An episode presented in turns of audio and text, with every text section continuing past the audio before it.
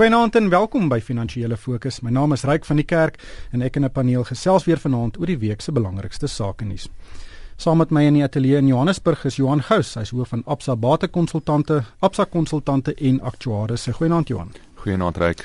En Amelia Morgenrood van PSG gesels uit Pretoria. Goeienaand Amelia. Goeienaand Ryk. In vanaand se program gaan ons gesels oor die verrassende aankondiging hierdie week dat verskeie groot konstruksiegroepe in die land voor die mededingingstribunaal moet verskyn oor beweerde tenderknoeiery vir die 2010 Wêreldbeker. Die skorsing van Nomsa uit Kusatu het ook die week deurlopende nuusstekking ontvang. En ons gaan gesels oor die moontlike impak wat die skorsing op die ekonomie kan hê. En dan het kommoditeitspryse steeds verder geval met die olieprys wat vir die eerste keer in meer as 4 jaar tot onder die vlak van 80 dollar 'n vaatjie gedaal het. Maar Jan, kom ons begin by die konstruksiesektor. Ehm um, die mededingingskommissie het die week eintlik verras toe hy verskeie groot maatskappye vir verdere ondersoek na die tribunaal verwys het. Ehm um, en uh, dit volg uh, nadat daar groot knoeiery was voor die bou van die groot stadions vir die Wêreldbeker in 2010. Maar die proses volg op 'n voorlopige proses in 2012 waar 15 maatskappye gesamentlik omtrent 1.5 miljard rand se boetes betaal het. Hoe hoe kom ons nou by hierdie nuwe proses? Ja, Ryk, eh, die boete wat betaal of die boetes wat betaal is daai 1.5 miljard rand was weens 'n samewerking onder van die grootste konstruksiemaatskappye soos Wilson Bailey Homes, Aveng, Group 5, Marion Roberts en en, en Stefanutis tydens tenderaansoeke in die periode 2006 tot 2011 wat oor 300 projekte gestrek het en onder andere ook die Wêreldbeker stadions ingesluit het. Nou die boetes was die uitkoms van 'n inisiatief wat, wat deur die kommissie in 2011 geloods is waar tydens konstruksiemaatskappye basies kon bieg en 'n volle openbaarmaking doen oor samewerking tydens die tender. So die maatskappye is toe op die einde van die dag met 'n persentasie van hulle omset in 2010 beboet om nou 'n lang uitgerekte regsproses te vermy. Wilson Bailey Homes moes 311 uh, miljoen rand betaal, Marion Roberts 309 miljoen Stef Minuties 307 miljoen. Dit was die grootes gewees. Nou die strategie wat hulle toe gebruik het was om byvoorbeeld skyntenders in te handig, uh, verloders fooie te betaal aan uh, te, aan mekaar, uh, kompensasie deur subkontrakteur aanstellings met inkomste onder mekaar oor marges. Nou meeste van die maatskappye het toe aangedui op daai stadium dat hulle 'n vorm van 'n beleid in plek gesit het om samewerking te voorkom in die toekoms. Nou die jongste verwikkelinge is 'n voortsetting van daai 2011 proses waar tydens 'n paar maatskappye toe nou nie hulle boetes betaal het nie of nie hulle geknoeiery verklaar het nie. So die kompetisiekommissie vervolg hierdie maatskappye nou uh, om die proses wat in 2011 van stapel gestuur is se kredietwaardigheid eintlik te beskerm. En die advokaat wat die 2011 ondersoek uh, gelei het, het nou het eintlik gesê dat die samewerking was endemies in die konstruksieindustrie en dat selfs top lui betrokke was uh, by hierdie geknoeiery. Hmm. Amelia, baie van hierdie maatskappye het hierdie week gesê hulle is regtig ongelukkig met die manier hoe dit hanteer word en hulle het weer gesin speel op dat as hulle nie met mekaar gesels het voor die tenders uitgereik is nie sou hulle die bedryf nooit daai stadions kon bou nie. Ehm um, is daar meriete in hierdie argument? Ja, sekerlik dink ek daar is ehm um, ryk weet dit was 'n massiewe dit was massiewe projekte gewees en daar het ook net soveel konstruksie groot konstruksiemaatskappye in Suid-Afrika wat projekte van daai formaat kan hanteer. Ehm um, so daar is sekerlik meriete daarin en ehm um, soos ek kon sien uit die verslae wat daar gepubliseer is, het die maatskappye blykbaar ooreengekom op 'n winsmarge van 17.5% vir die stadionprojekte. Ja, so as mense nou weet bietjie op 'n afstand kyk, kyk ek gaan glad nie sê dat ek um, dit goedkeur dat mense vooraf ooreenkom oor sulke goed nie, maar dit is nie asof hulle nou 'n 100% marge vir hulle self daarin gebou het nie, dit is nog steeds 'n billike marge. Ehm um, en ek dink jy weet die hele industrie is so um, is is so in die modder op hierdie stadium en hulle het soveel reputasie ehm um, reputasie ehm um, risiko wat hulle mee moet deel die hele tyd. Ehm um, en hier is nou onverwags dat daar nou skielik nog verdere moontlike boetes gaan kom en wat interessant is dat hulle ehm um, Woensdag toe hulle die verslag uitgereik het die kompetisiekommissie het hulle gesê dat hulle nog verdere boetes gaan ehm um, gaan voor aansoek dien teen Bailey Homes teen Group 5 Stefan Stocks en Basil Reed Ehm um, aangesien hulle nou blykbaar nie van die geleentheid gebruik gemaak het om hierdie ehm um, sake af te handel nie. Ja, so ek dink jy weet dit hang dit is vir jare wat 'n swaard hang oor hierdie maatskappye en ons het dan gedink is iets van die verlede, dit is nou uit die weg geruim en nou begin eintlik alles weer van voor af. Maar Johan, in 2012 toe hulle die eerste ronde boetes betaal het, was dit kort na die Wêreldbeker. Hulle het goeie geld gemaak uit die stadions uit. Sedertdien het daai hele konstruksiebedryf eintlik weet op die agtervoet getree. Uh, die boetes wat nou opgelê kan word kan eintlik 'n baie groter impak hê as die as wat in die eerste ronde die geval was. Ja, dit is so reg en ek dink uh, ons weet dat in die laaste paar jare het hierdie uh, maatskappye baie gesukkel. Ons kry nie die nasionale ontwikkelingsprogram aan die uh, gang wat hulle behoort te kon gehelp het nie. Um, en ek dink dit is hierdie onsekerheid op die oomblik en soos Amelia nou sê, jy weet nou is ons weer terug met 'n proses wat weer van voor af begin en soveel onsekerheid. So ek dink beleggers gaan redelik ligtig wees op hierdie stadium. Hm.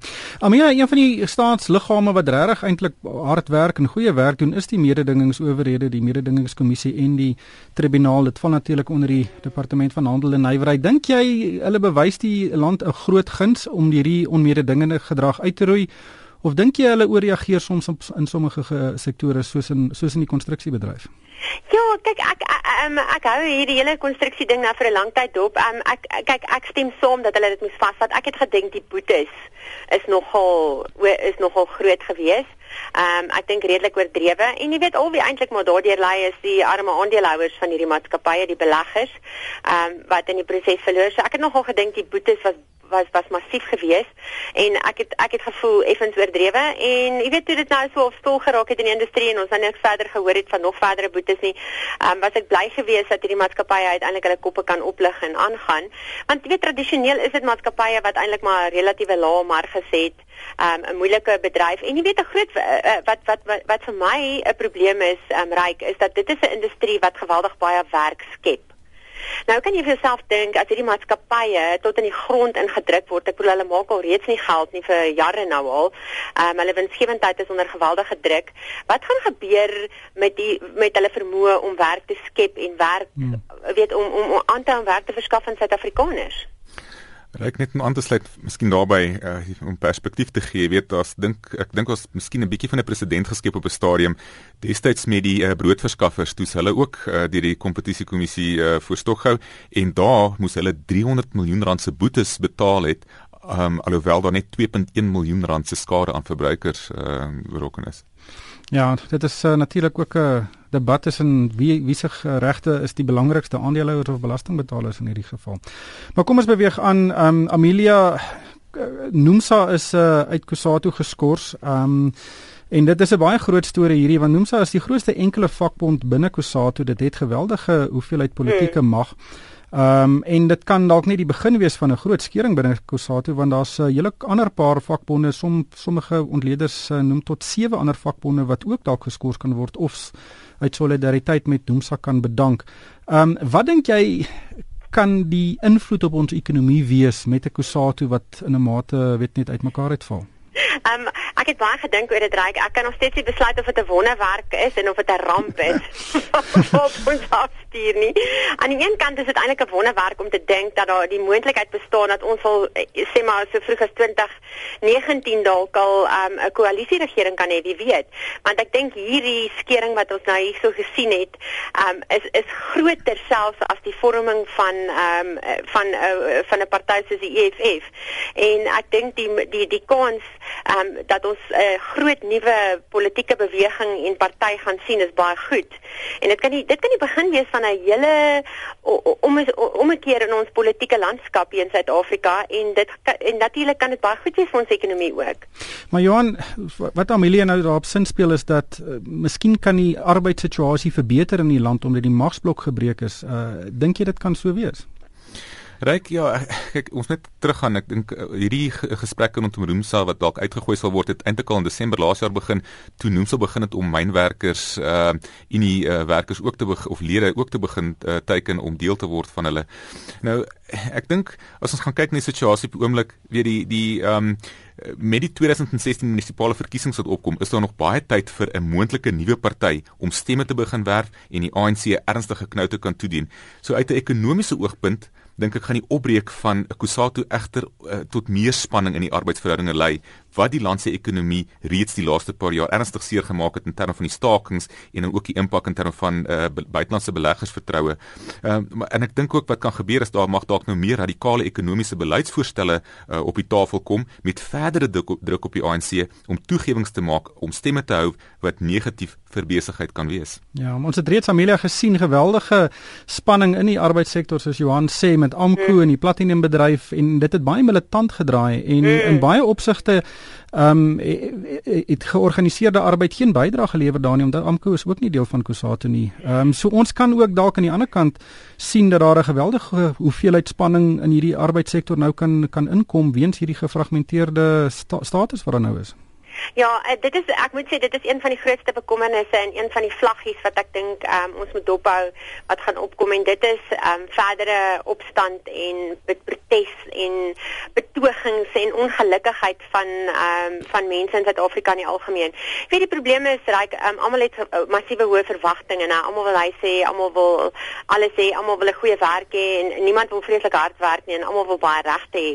Maar die probleem is die um, die lewe werk ongelukkig nie so nie en ek dink dit is dit gaan baie belangrik wees van hier af vorentoe of of hierdie regering van ons dit gaan regkry om beheer te neem van die massas wat so in opstand is en um en ongelukkig is oor alles.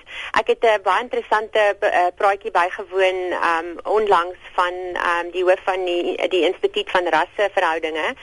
Um en ek dink dit was dit was een van die belangrikste goed wat hy genoem het is dat dit is iets wat ons gaan moet dophou in Suid-Afrika want want dit is 'n groot probleem. Daar's al hoe meer opstand by mense. En selfs die die die arbeidsprobleme is ook net 'n vorm van sosiale opstand. Mense is omgekrap omdat hulle nie hmm. ehm um, 'n goeie lewensstandaard het nie. En dan word dan dan manifesteer dit ook maar net ehm um, by hulle in hulle werksverhoudinge en ook hulle hulle ongelukkigheid oor hulle salarisse. Ja, die tyd is besig om ons in te haal. Johan, kom ons praat oor goeie nuus. Uh die oliepryse is onder 80 dollar 'n vatjie. Uh die eerste keer in 'n hele klomp uh, ja, hele paar jaar. Wat is die redes hiervoor? Wel, ek weet nie of mense altyd te opgewonde moet raak oor 'n laer oliepryse in die ryk want daar's 'n goeie rede daarvoor en die goeie rede daarvoor is dat uh jy weet Europa flankeer nog steeds met 'n moontlike resessie en daar word nog steeds baie gepraat van deflasie. Dan is daar ook sprake van 'n laer ekonomiese groei in China wat meer as 50% van die wêreld se totale vraag na kommoditeite verteenwoordig. So die oliepryse word spesifiek deur hierdie laer um groeiverwagtinge afgetrek en en en op die oomblik lyk dit of Opel nie uh regtig gaan afskaal op hulle produksie nie wat die vraag en aanbod situasie dan nog verder ehm um, tot uh, tot laer oliepryse kan lei. So ek dink dit is op op die oomblik is die groot kwessie maar net bekommernis oor uh, toekomstige ekonomiese groei wêreldwyd. Maar die Amelia, die pryse het al lekker geval van jaar uit van ja. hy was omtrent 110 dollar 'n vatjie in Januarie. 15 was hy in Junie gewees, ehm um, ryk en hy's amper daar, hy's nou so 30% af van daai hoogtepunt af. Ek het gister 'n baie interessante ehm um, navorsingsstuk van Stockgen gelees waarin hulle sê dat hierdie olieprys wat nou um, amper 30% af is, uh, ehm um, hulle sê net 'n 20 dollar daling, wel en ons is nou meer as dit, ehm um, kan lei tot soveel as 'n kwart persent ehm uh, meer wêreldwye ekonomiese groei in die eerste jaar wat ons dit nou gaan ervaar. En dan in die jare daarna baie meer. En hulle die verskillende lande die effek daarvan op hulle e-, ekonomiese groei het hulle ontleed. Dis nou die eerste ontleding daarvan wat ek gesien het. En dit is baie interessant. Hulle sê in 3 jaar se tyd kan dit 2% amper 2% verandering in um, ekonomiese groei byvoorbeeld in Amerika hê. En in lande soos Kanada byvoorbeeld meer as 2% en Indië meer as 2% amper 2.5% en dan 'n baie negatiewe effek op Rusland Hulle sê net in die eerste jaar kan dit Rusland se ekonomiese groei met meer as 1.5% knou. Ehm um, ja, so dit is nog ba nogal baie interessant. Ek het deeltyd uh, besef, jy weet dat hierdie eintlike oordrag van welvaart is van die Midde-Ooste na die res van die wêreld in 'n groot mate. Ehm um, want daar's baie meer geld in die sak van die verbruiker. Johan, dis ongelukkig nie net die oliepryse wat val nie, die goud en platinumpryse val ook wat 'n baie meer direkte impak op Suid-Afrika het kan ons myne nog lewensvatbaar wees met die huidige vlakke van die goud en die platinumpryse?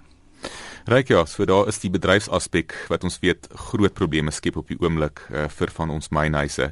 As ons dan suiwer net gaan kyk na die kommoditeitspryse self, sien ons dit is ook onder druk. So aan albei kante is dit besig om dinge baie moeilik te maak vir hierdie uh, maatskappye. En ek dink die groot rede is eintlik vir hierdie dalings wat ons gesien het, is maar as gevolg van 'n sterker dollar. Ehm um, en die sterker dollar is as gevolg van beter ekonomiese groeiverwagtinge in die FSA en dit gaan lei tot stygende rentekoerse en dan gaan dit weer lei tot laer vlakke van bekommernis oor beleggingsmarkte en daarom goud spesifiek word deur beïnvloed want hulle premie, die premie van goud as 'n stoor van waarde verminder nou omdat beleggers minder bekommerd is oor die ekonomie en markte dalk en opbrengste in dollars gaan begin opgaan soos rentekoerse styg teenoor goud wat vir jou geen opbrengs soos rente verdien nie. So daar is is, is goud ook besig om te sukkel. So goud doen gewoonlik ook nie baie goed in tye waar inflasie nie 'n probleem is nie. En ons weet in meeste van die groot wêrelddele op die oomblik is inflasie nie 'n probleem nie en dit is maar van die redes hoekom goud sukkel op die oomblik. Hmm. Amelia net laastens uh, ons mark is besig om regtig interessante tendense weet te ontwikkel op die oomblik. Ehm um, dit het ons het 'n tegniese regstelling gehad in hmm. die afgelope paar weke loop die uh, loop die beurs soos 'n stoomtrein. Wat gaan aan? Ja, nee, omtrent die hele regstelling is alweer uitgevee. Ehm um, reik ons het 3 weke stewige bewegings in die mark gesien. Ehm um, nuwe hoogtepunte by een van die grootste maatskappye op ons beurs na, beurs Naspers. Ehm um, ons kan nie glo wat ons daar sien gebeur nie. Die prys van 10 sent Um, in China het ook gestyg na hulle goeie uh, weet goeie resultate uitgereik het die mark wat nie heeltemal tevrede met met die um, resultate nie maar dit was nog steeds 'n baie goeie stel resultate 46% stygings in hooflyn verdienste. Oor die algemeen is maatskappy resultate baie is is dit baie goed maar die stygings in aandelepryse wat ons sien is besig om dit redelik ver uit te presteer. So ehm um, ons staan verstom oor die skerp stygings wat ons sien by sekere maatskappye. Ja, ek ek dink as ons gaan kyk na die feit dat die regstelling amper half eintlik weer uitgevee is, miskien was dit net 'n asemskep geweest, want dit is so dat die maatskappye bietjie miskien ver vooruit gehardloop relatief tot wat die ekonomiese situasie vir ons vertel en aan die verdienste is baie goed en as jy dit te ver ekstrapoleer, kan jy in hierdie scenario opeindig. So ek dink uh, vorentoe gaan mense net moet kyk om te sê, jy weet, wat is die volhoubaarheid van hierdie verdienste wat ons sien en kan die ekonomie begin om hierdie waardasies te ondersteun? Ongelukkig is dit alwaarvoor ons tyd het vanaand. Baie dankie aan Johan Gous van Absa en Amelia Morgenrood van PSG en vir my ryk van die kerk. Baie dankie vir die saamkuier.